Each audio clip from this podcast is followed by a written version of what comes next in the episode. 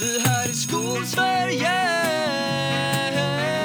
Podden som handlar om den svenska skolan Med Karin Berg och Jakob Mölstam.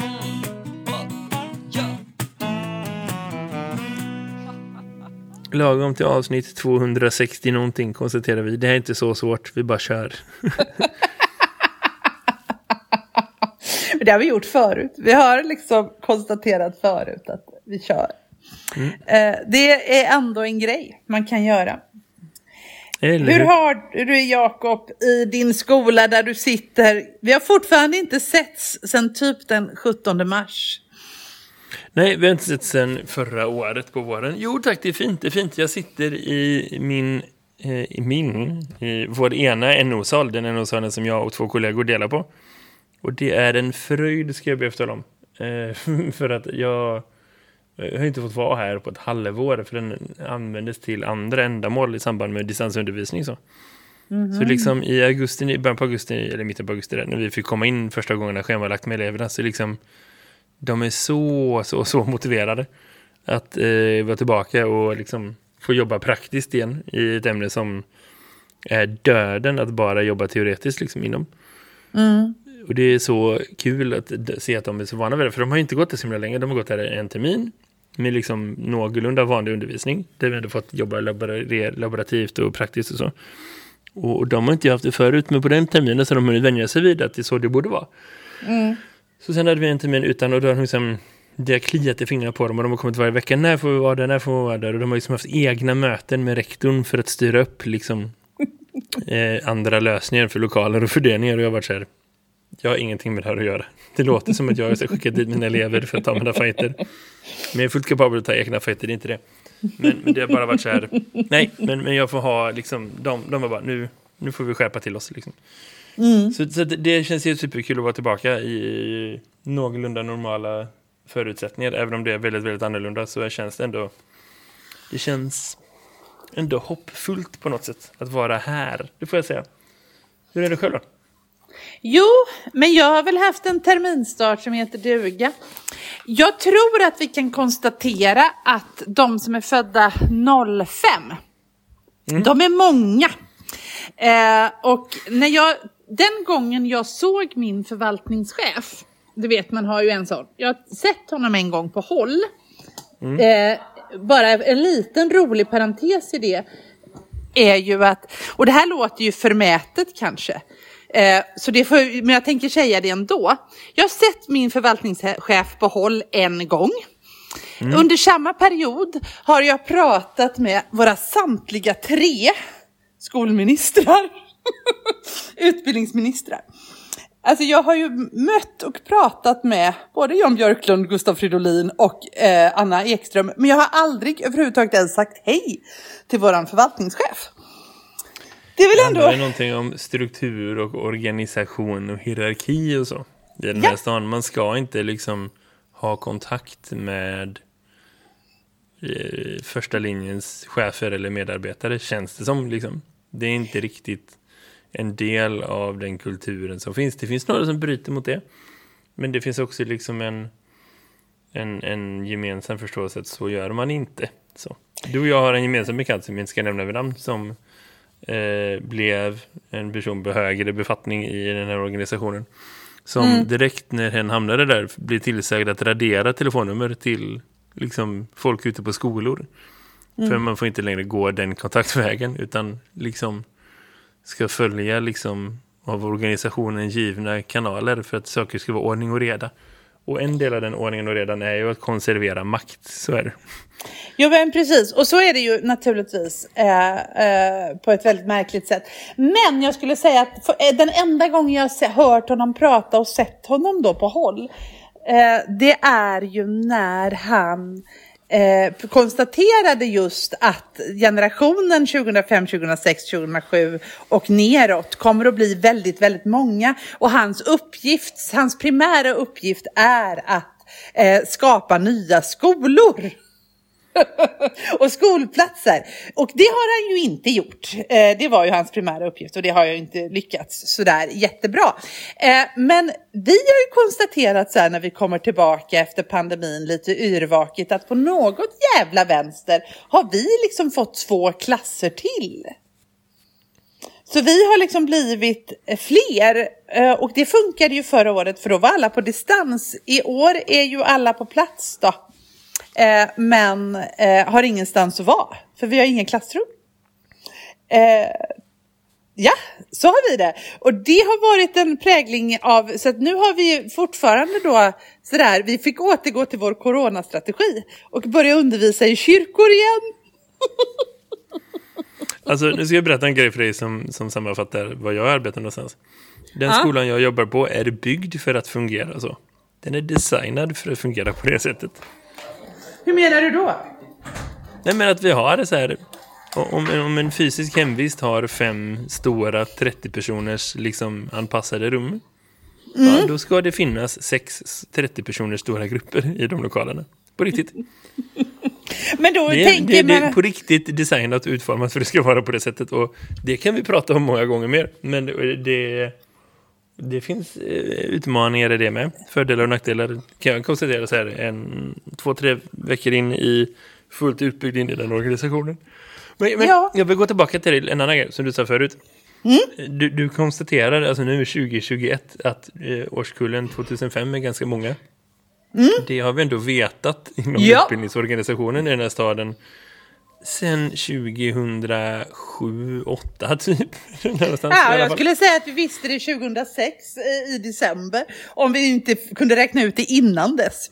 nej, men jag är inte säker på att utbildningsorganisationen, jag tror att det, det dröjer ändå lite ibland. Men, för de, de är inte så smarta att man räknar och förbereder på det sättet. Men nej. min poäng, det, det här är ju liksom världens mest förutsägbara problem.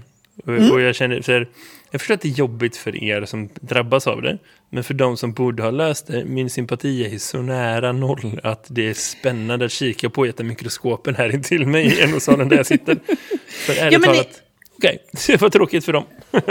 ja men absolut, men det som är, inte är så roligt är ju att jag, jag pratade med en SYV, så det, alltså en studievägledare. Och hon, hon kommer, hon har jobbat liksom i Stockholm Stockholm och hon konstaterade just det att vi har så extremt få gymnasieplatser i Göteborg, vilket gör att ganska många står utan gymnasieplatser och hänvisas då till att gå program som de faktiskt inte vill gå. Eh, och att man faktiskt eh, riskerar att hamna utanför och få gå liksom eh, program och skolor och framförallt, alltså framförallt utbildningar som man inte alls hade tänkt sig på grund av att makthavare inte har löst det här problemet. Eh, så att det är ju lite allvarligt någonstans. Men den grejen, att det är få utbildningsplatser i Göteborg, det är ju inte bara en grej av inkompetens. Det behöver inte vara den enda förklaringsmodellen. Det kan också vara så att man per design skapar så. För liksom överplatser eller liksom friutrymme i organisationen kostar ju pengar någonstans. Mm. Om man kollar på liksom utbildningssystemet och tänker så här utbildning är det primära målet, då är det ju uppenbart att, att vi vill designa det så att det finns om inte precis så många platser att alla kan få gå precis det programmet de vill för att full, får man chans att fullfölja sin potential. I alla fall inom vissa normer så, så är det liksom gränser och så. Så i alla fall att det finns extra platser så att ingen blir liksom placerad väldigt, väldigt, väldigt fel ur ett utbildningsperspektiv så måste det vara det som är målet. Men ur ett ekonomiskt perspektiv så vill vi inte betala för platser som inte används. Nej, nej. Och, och där är väl en grej med att vara en del av liksom en stor gymnasieorganisation som är massa kommuner och som liksom är jag vet inte, jag skulle inte få mig om det finns hundra företag som driver gymnasieskolor i, runt omkring, känns det som. Eller liksom hur många som mm. helst så. Som allihopa ändå har vinstintressen, eller så här, nästan alla har vinstintressen. Mm. Och, och, och, i det så liksom finns det en konkurrens som inte bara är dålig, men som inte heller, som inte heller bjuder in till att man har ett system som funkar på det sättet. Så även om det har varit en väldigt så här, eh, kompetent ledning så, så, är det ju inte alls säkert att man hade designat det på det sättet att man hade haft massa extra platser lediga. Är min poäng. Nej men absolut är det så. Det var ju mer att jag blev mer förvånad över eh, skillnaden mellan storstäderna. Att hon var, hon var lite chockad över att det var så stor skillnad mellan Göteborg och Stockholm. den här studievägledaren. För elever betyder väldigt lite i Göteborg. Det är ju det som Ja. är grejen. Alltså i den balansen mellan liksom pengar och elever eller organisation och elever eller liksom system Mm. och människa eller så om man vill bli liksom hur man nu vill dra den linjen Mm. så är inte Göteborg en väldigt ens en neutral liksom organisation utan det är mer åt så här enskilda människor betyder inte särskilt mycket så är det ju faktiskt. Nej, det känns inte så i alla fall och det är ju ganska sorgligt om man ska vara riktigt ärlig för det spelar ju faktiskt väldigt stor roll för, för människan att få, alltså för människans livsmönster och möjligheter och utvecklingspotential och sådär.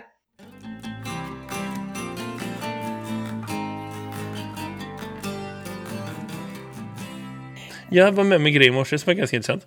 Eh, mina elever, mina mentorselever går i årskurs 5. Eh, och är man skolsköterska och tänker hmm, vaccinationsprogram, spännande, spännande. Så vet man att det är i årskurs 5 som alla barn i Sverige erbjuds sina HPV-vaccin. Eh, så.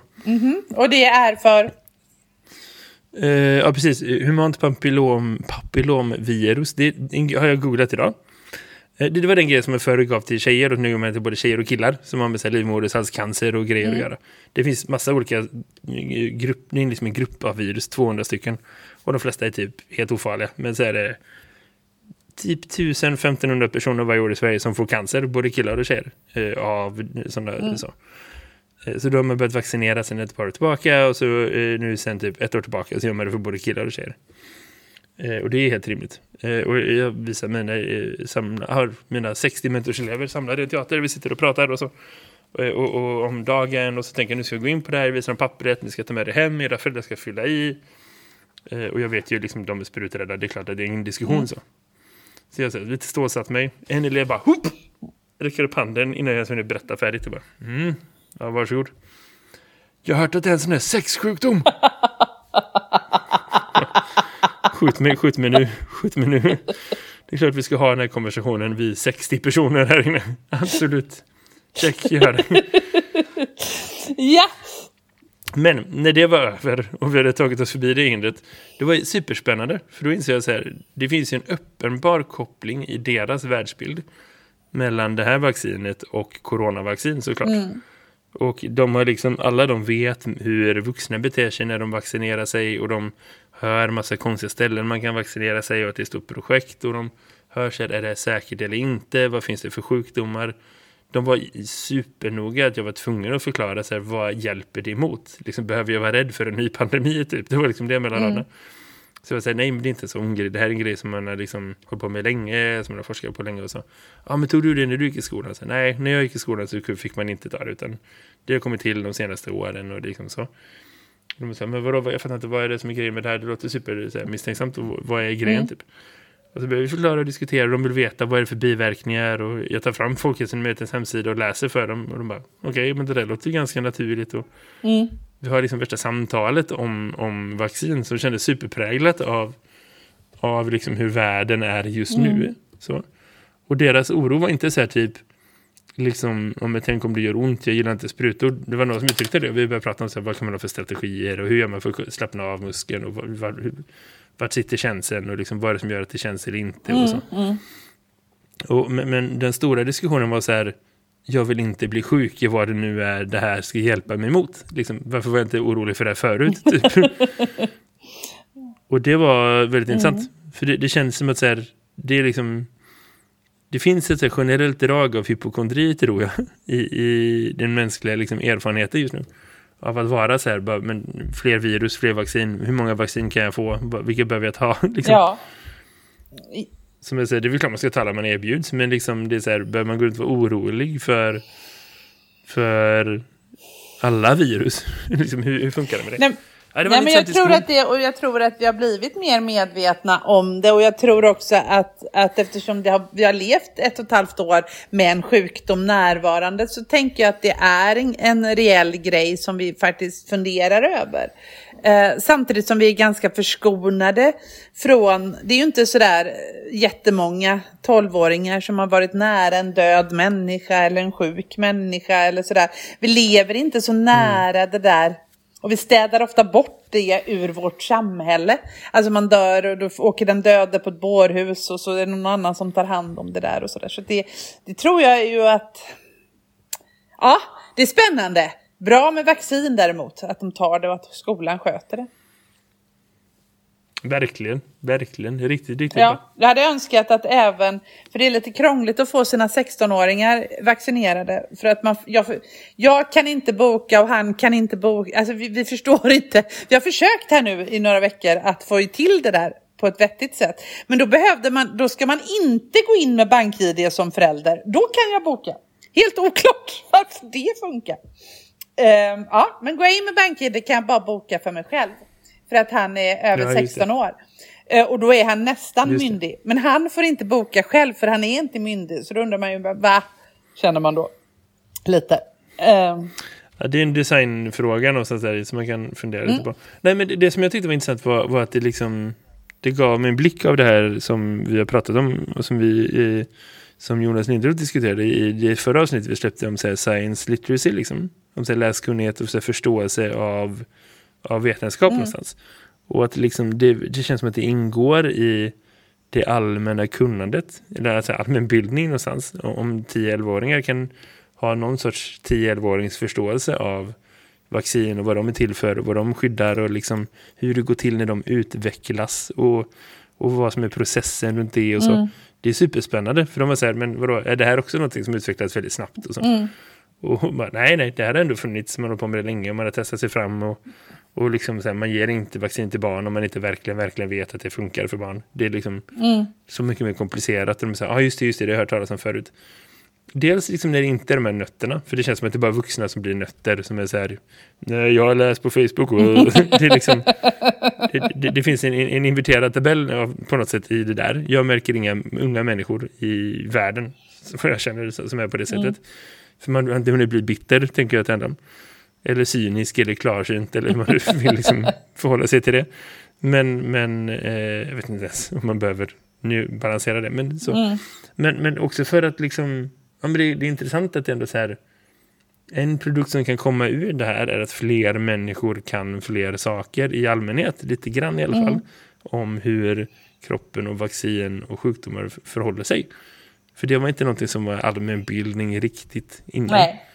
Och det tror jag är en positiv sak. För att många av de problem vi har i samhället, från klimatförstörelse till de flesta politiska diskussioner till liksom folkhälsa, så handlar ju om vetenskap på ett eller Ja. annat sätt. Och ju mer folk visste i allmänhet, desto bättre skulle världen bli. Säger NO-läraren när han sitter i sin NO-sal och inte behöver möta kritik någonstans. Men, men så är det. Det ja, tror jag. det tror jag. Ja, men, men jag tänkte, ja det är väl fint. Det är väl fint för, eh, jag tror, eh, jag tror på det sättet så kan det väl kanske något gott komma ur den här. Jag tror hela den här idén om att, att kunna saker och att få gå i skolan har fått ett litet uppsving nu när inte elever får, har fått gå i skolan och sådär. eh, det, Faktiskt. Eh, ja, men jag, Det var perfekt för motivationen, för de saknar det. Jo, men så är det. Nu saknar de det lite. Ja. Och då är de tillbaka och lite tacksamma. ja, men, det är nu vi ska passa på att smida medan det järnet är varmt. Ge dem alla tråkiga grejer samtidigt. Ja men det har varit liksom ganska lätt på det sättet att starta terminen och inte minst med de som går i trean som har varit de som har haft distans mest. De tycker ju allt är roligt liksom på något sätt. Eh, så det blev fint. Eh, Karin, ta fram penna och block och så skriver du ner det här. Första aprilskämt nästa år. De ska få gå i fyran också. Så, så förbereder ja, du det. jag vill förbereda. Riksdagen är med förvaltningschefen och ser till att han spelar in i film när han annonserar det. Ska du se vad som Ja, händer? då kanske de inte tycker om mig längre. Det vet jag inte. Ja, men det är fint. Eh, men jag, annars det, har det ju hänt någonting annat roligt den här veckan som ändå är... Eh, känn, jag känner mig någonstans bönhörd den här veckan. Aha. Spännande, spännande. Vad tänker du på? Ja, eh, äntligen! Alltså, och det är ju sen, alltså, jag vet inte hur länge, jo men det är sen 94 tror jag. Så har jag ju vädjat om och bett om att vi ska få tillbaka våra ämnesbetyg. Du har inte varit lärare sedan Nej, 94. men jag gick ju- Det var inte alls det du pratade om. Nej, men det försvann ju 94. Jag har inte varit lärare sedan 94, jag tog Nej. studenten 94 och jag hade ämnesbetyg och fan vad bra det var, det var bättre förr. Nej jag skojar. Eh, men, men alltså vi har ju eh, haft ämnesbetyg sedan eh, betygsreformen som togs 92 och infördes successivt från 94. Vad var grejen med att införa kursbetyg?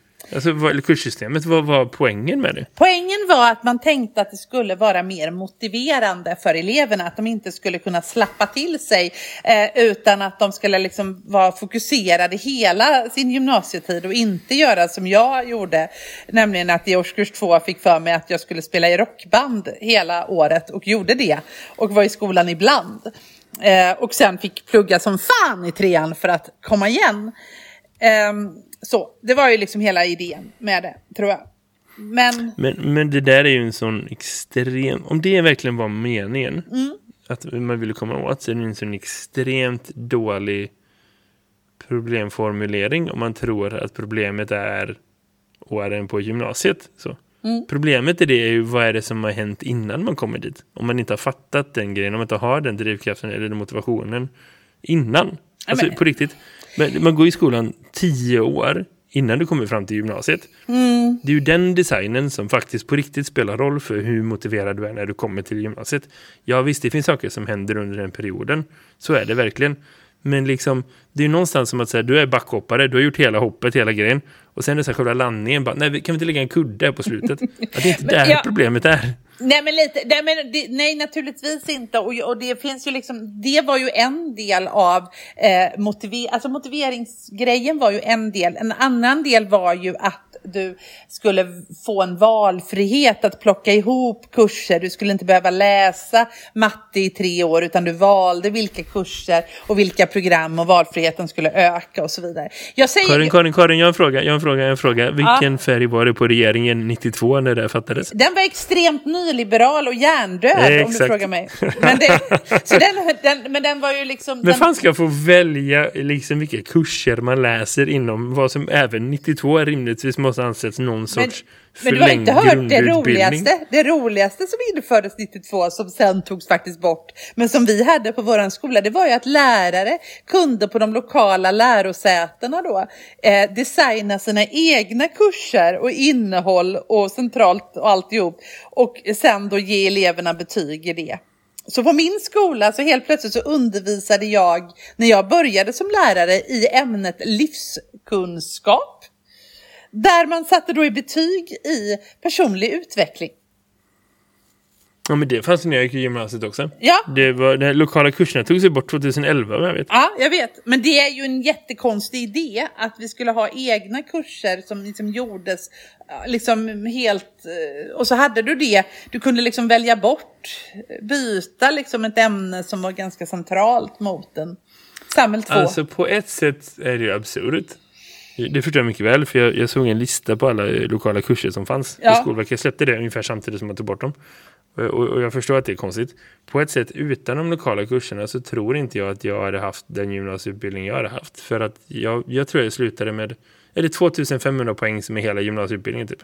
Jag gick ut gymnasiet med 3150 typ.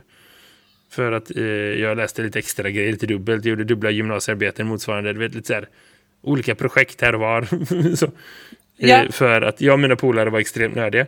Och vi hade en eh, programrektor som var så här, ja, vi kan kalla det här fördjupning i biologi. och så liksom, det var, det var super, super värdefullt att få den friheten. Och jag menar liksom, helt ärligt, ja, det är eh, förberedande för livet och så, skola är allvarligt, men det är också så här, ta det lite, lite chill. Liksom. Jo men absolut, Det- om det hade varit det. Men problemet var väl när vi ärvde, det, det fanns mycket avarter av det där också. Det fanns bra sidor, det fanns avarter Mm. i det. Men lik förbannat så är det ändå så att det jag har våndats över genom alla de här åren som jag har varit lärare, det är att jag sätter inte ett svenskt betyg utan jag sätter tre. Och jag sätter Ja, det fattar jag. Eh, och jag sätter liksom betyg i år ett, i år två, år tre och alla tre spelar roll. När det egentligen är så att det de kan skriva i årskurs tre, det är ju det som någon någonsin överhuvudtaget kommer att bry sig om. För att det handlar ju om det sammantagna eh, och kan du analysera litteratur på en avancerad nivå i årskurs tre så spelar det ganska liten roll på vilken nivå du läste noveller i årskurs ett. Alltså faktiskt. Egentligen, eller hur? Det är det jag menar. Det känns som att det är en kontrollmekanism som man har lagt in som inte betyder något egentligen. Mm. Igen, för så här, liksom, är det ett utbildningsperspektiv eller är det något annat perspektiv? Mm. Ur, ett, ur ett lärandeperspektiv eller ett utbildningsperspektiv så är det ju helt värdelöst vad du kunde en tredjedel in på vilken utbildning som helst. Och även om det är någon sorts, ah, men man använder sitt betyg när man söker till nästa utbildning eller man går till sin arbetsgivare, här är mina studentbetyg, som om någon gjorde det. Mm. Vem bryr sig vad du kunde en tredjedel in i en utbildning? Det säger ju ingenting om någonting överhuvudtaget. Nej, men det, och det blir konstigt för att det blir synd om, alltså det blir ju liksom, eh, framförallt så drabbar det, det drabbar väldigt mycket våra pojkar generellt om vi tar, för att de, det tar lite tid, de är ju oftast i kapp liksom generellt plan när vi går i trean. Ja. Men det tar liksom, eh, i årskurs ett så, så har de lägre betyg. Men de ska dras med Och dem. jag minns också eh, faktiskt hur, och det är konstigt för att det borde ju vara så att kurserna är utformade så att liksom, årskurs ett-kurserna är sämre i så fall. Mm. Eller lättare liksom. Men jag minns precis känslan när vi fick våra första betyg i hösten i ettan. För att vi fick ju betyg båda då. Mm. Eh, och jag insåg att så här, nu är det omöjligt för mig att få full, då var det 20,0, idag var det 22,5. Mm. Jag minns jätte, jättetydligt den, det samtalet med den läraren, precis vilket rum det var som vi satt i så här. Inte för att jag hade några höga ambitioner på att ha liksom det, eller att jag behövde liksom det, eller visste vad jag ville göra, men det var ändå så här, okej, okay, men jag går natur, jag kanske blir läkare, man kanske gör det här, man kanske hittar på det här och där. Mm. Det var en supertydlig dörr som stängdes. Ja, och det är jag så... var 15. Ja, men eller hur? Och det är så himla onödigt och det är så himla korkat och det är liksom och dessutom så är det ju dessutom inte formativt för att du har aldrig möjlighet att även om du under det här året, första året då får formativ feedback så tar det kanske lite tid att utveckla det där formella skrivandet till exempel. Mm. Eh, och det hade ju varit mycket lättare under ett coronaår då att, att göra enklare grejer. Om det var ämnesbetyg hade man ju kunnat liksom lösa den typen av grejer också, köra mycket, det som var bra på distans hade varit lättare eh, att köra mm. istället och det som har varit svårt hade man väntat med lite då kanske. På ett mm. annat sätt. Eh, som vi inte har kunnat. Så jag har blivit bönhörd och är väldigt glad och därför Jakob eh, tänker jag att jag ska be att få bli bönhörd av en annan sak.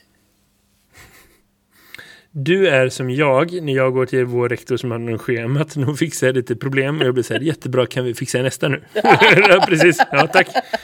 För nu har jag... Give it to me så ska vi se vad, vad vi hittar på då. Ja, för då är det ju så här va? Att, eh, för att jag, jag, jag, jag är inne på temat det var bättre förr. Eh, det är ju ändå en charmig eh, Det ändå, känns ändå som att jag har uppnått den åldern nu, att jag får tycka det. Och jag vet inte om jag tycker det var bättre förr. Men eh, det, det slår mig eh, väldigt mycket. Eh, jag är ju som, som, som du vet, tycker om litteratur och jag tycker om att undervisa litteratur och jag tycker om det på grund av den makt som faktiskt ryms inom våran litteratur. Eh, mm. alltså och det är ju en sån här klyscha, men det är ju sant att i diktaturer så är det ju eh, böcker som bränns, det första. Alltså skönlitteratur är farlig, eh, diktatorer är rädda för skönlitteraturen och så vidare. och så vidare. Så det, mm. det är ju mm. den typen av eh, idéer, det ska, ger människor idéer, inspiration att eh, komma vidare och sådär. Så att någonstans så rymmer all den här litteraturhistorien vi har och alla de skönlitterära böcker som skrivs innehåller potentiell maktmaterial. Mm. Och är därför samhällsviktiga. Eh, men genom åren så har vi ju sakta men säkert i vårt skolsystem liksom reducerat ner litteraturen till att bli en del i svenskan. Eh, förr i världen och på väldigt många andra håll i världen så hade vi, eh, vi hade i Sverige två betyg. Vi hade ett svenska språket-betyg och vi hade ett litteraturbetyg. Det betydde också att vi hade mer undervisning i svenskan. Vi hade alltså undervisning i litteratur och så hade vi undervisning i svenska. Ofta var det samma lärare, men det var liksom olika lektioner och olika liksom, fördjupningar. Det var väldigt tydligt liksom, vad vi hade när vi hade vad. Eh, och det har man också på andra delar av, i delar av världen. Man har liksom litteratur och så har man språket. Eh, och någonstans när, jag, när man tittar runt, för jag råkade komma över olika planeringar, kursplaneringar för årskurs två där litteraturhistorien ligger, så ser Mm. jag hur litteraturhistorien och den här kunskapen om litteratur fördjupningar om att, alltså förståelse för hur upplysningens litteratur faktiskt vände hela, hela samhället på ända och skapade den franska revolutionen eller hur, hur, alltså hur Eh, liksom hur realismens litteratur gjorde liksom det, eh, fackföreningsrörelsen medveten om eh, hur, alltså det, det finns liksom givande och tagande hur samhället har utvecklats på något sätt. Eh, och att det på något sätt skulle också kunna hjälpa människor idag att förstå sin samtid och kunna eh, liksom finna inspiration till att lösa världens problem idag. Eh, men det ska ju liksom rymmas i årskurs två tillsammans med att elever ska lära sig argumentera, lära sig att skriva formellt, lära sig att kunna massa olika texttyper och alltihopa. Vilket gör att man det räcker att man nämner Homeros och så skyndar man sig och så säger man kanske någon författare eller så läser man någon så här tema. Och sen har man egentligen ingen koll på vad det är som har skrivits innan och man har definitivt inte hunnit läsa något. Eh, och jag som då har satt en stor ära i att mina elever ska kunna sin litteraturhistoria eh, och alltid brottas med att jag inte hinner med. Skulle ju vilja ha tillbaka litteraturämnet som ett ämne eller i alla fall en lektion till i veckan eller något. Där det liksom Jag förstår värderas. vad du säger Karin, jag förstår precis vad du säger. För Ja. i litteraturen så ryms ju liksom livet på ett sätt Ja. Mm. som svenskan inte gör. Vet du vad jag föreslår? Nej. Jag föreslår att vi tar det ämnet och kallar det för livskunskap. Varsågod.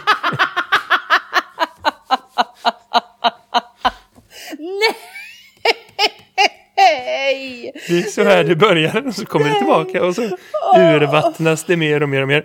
Nej, men jag ska inte driva med det. Jag tycker det låter superintressant. Och det är klart att det är så. Och liksom, det är en absurd spännvidd som finns i svenska ämnet, just precis baserat på det du säger. Och egentligen tänker jag så här, att, att konsumera litteratur och att liksom formulera sig, inte bara så tekniskt, är ju liksom absolut vettigt att fundera på olika ämnen. Och olika skolsystem har delat upp olika ämnesområden på olika sätt. Det är inte en gudagiven liksom Nej. syntax, utan det, det finns en, en, ett, en mening med att diskutera det och fundera på hur vi har det på olika sätt. Så. Jag vill läsa en text apropå så här, politiskt och liksom utbildning och syfte och makt och så. Jag, hitt, jag skrev ner en text, vänta, jag får klippa lite här för att jag skrev ner en grej från en artikel som jag tänkte, det här ska jag läsa för dig för att det var så fasligt intressant. Eh, här är en utbildningsminister som uttalar sig om skolan och framtiden. Och så säger man vill skapa en citat rimlig läroplan. Med förankring i historia som samtidigt upprätthåller den internationella konkurrenskraften. Vad, vad betyder det för dig? En rimlig läroplan med förankring i historien som samtidigt upprätthåller den internationella konkurrenskraften. kan ju betyda precis vad som helst och den där läraren, vem är det som har sagt detta? Detta är Abdul Baki Haqqani som är talibanernas tillförordnade minister för högre utbildning som pratar om män och kvinnor och högre utbildning i Afghanistan. Jag tog bort ett ord för det han sa var så här. Talibanerna vill skapa en rimlig och islamsk läroplan med förankring i historien som samtidigt upprätthåller den internationella konkurrenskraften. Eh, så. Ja, Eh, det är ju en del av så här, nej nej, vi är de snälla talibanerna nu. Där man säger så här, och det är självklart att kvinnor ska ha sin högre utbildning, det är jätteviktigt för Afghanistan att vi ska ha det. Men för att vi ska ha lite ordning och reda på vår utbildning så ska män och kvinnor gå i helt separata lokaler, helt separerade från varandra. Vad tror du är oddsen att man i Afghanistan bestämmer sig för att hälften av alla universitet är kvinnouniversitet och hälften av alla universitet är mansuniversitet?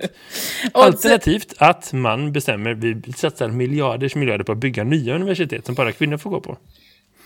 Nej, det är noll odds på det. Det ser fruktansvärt illa ut och det är fruktansvärt hemskt för det kommer ju också innebära att kvinnors eh, återigen slungas tillbaka i någon slags fruktansvärt hemsk jävla Men världsbild. apropå litteratur och bildning och makt och liksom Ja, så.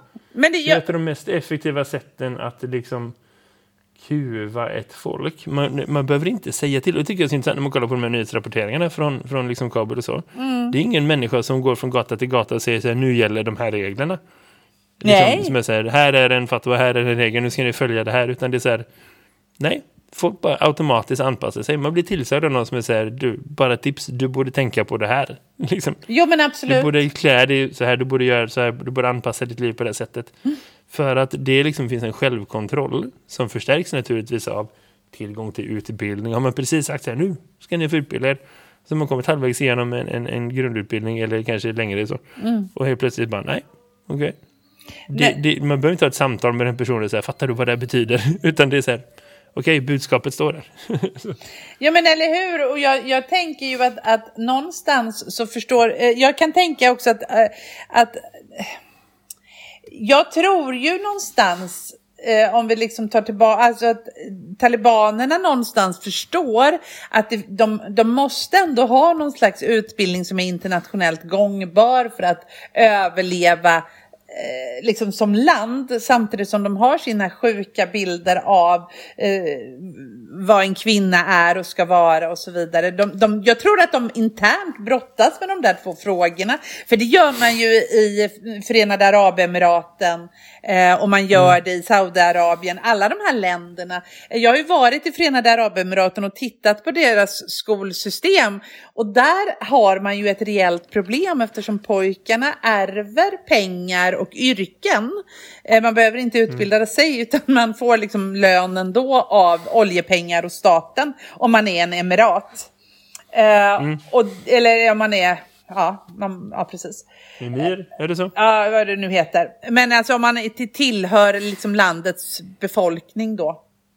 Eh, och är man. Men det är eliten va? Det är inte liksom hela folket. Nej, nej, nej, men jo om du är liksom medborgare, du kan inte bli medborgare om du inte tillhör liksom eh, de här, de är ju jättefå. Superfint, jättedemokratiskt, inga problem. Nej, men det är ju naturligtvis helt sjukt.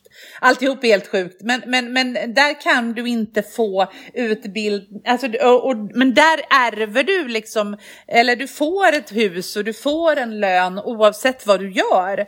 Vilket gör att ganska Ganska många män är analfabeter och eh, de sköter, alltså pojkskolorna är ju rena krigszoner. Och där har ju då kvinnorna på något sätt lyckats med att eftersom eh, de här ledarna för det här landet eh, liksom har satsat på utbildning på något jäkla vänster. Eh, tjej, eh, shejkerna liksom. Och, och har sett till att kvinnor ändå någonstans fått utbilda sig. Har ju gjort att kvinnor har startat egna kvinnoskolor. Och på dem så råder det en ganska hög nivå av utbildning. Medan på killarnas skolor är det inte så. Så, eh, så såg det ut på, på de skolor. Jag var väl på ja, tiotal i, i, Förena, eller i Abu Dhabi där. Och där såg man ju alltså, enorma skillnader på kvinnliga och manliga prestationer. Eh, fast kvinnorna hade noll rättigheter men då all kunskap. Vilket gjorde att kvinnorna där på de, i tysthet diskuterade just att landet kommer att implodera inifrån. Eh, men, men det gör ju också jag tänker att talibanerna där någonstans Förstår de verkligen vidden av kunskap för har de verkligen behövt att studera? Är du med? Utan de har väl fått sin makt utav auktoritet. Men någonstans så kan du dra den parallellen till att vi inte längre läser litteratur i svensk skola heller i den utsträckningen. För vi har till och med glömt att det är viktigt. Vi har Nej. någonstans tappat bort det. Och när vi inte längre förstår, när inte liksom, vi har en hel generation som inte riktigt har läst litteraturhistorien, som inte är bevandrad, som inte kan, vet om att liksom Iliaden egentligen är en enda stor antikrigsdikt. För det är det. Det är ju en dikt som är liksom mot kriget och egentligen en fredsdikt, trots att den egentligen bara handlar om krig eh, så skulle man kunna se det som en antikrigsdikt.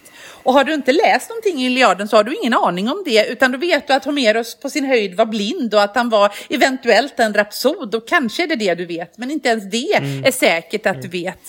Eh, och så vidare och så vidare och så vidare. Så det här är Nej, ju, precis. eh, och då gör det att vi inte tycker det är viktigt längre. Nej, exakt. Och det där är ju liksom... Ja, men det är en intressant parallell. Liksom, så vad, när vet man att man inte kan? Typ. Ja. Och, och, och liksom, vad, vad är, hur vet man hur de luckorna påverkar en? Så. Mm. Det är ju liksom... Det är ju... Shit. Det är en dörr som inte jag funderat på på länge. Men, men som jag så här, måste tänka på. Men man kan också bli galen av att tänka så. Tror jag. Men, men det behöver man väl ändå göra. Just för att eh, som person, men också som samhälle och som organisation. Och sånt, så att, så här, fundera på precis det du säger. Att, så här, vad, vad är det för liksom, okunskap som präglar ens beslut, ens val? Om man tycker att så här, nej, men det är klart vi ska ha rimlig och liksom, internationellt gångbar läroplan, det är inga problem. Och sen Ja. ser man inte paradoxen i att här, vi hugger ut den halvan som antagligen har bäst utbildning. Så, liksom av sociala skäl. Så, För att män förväntas inte så.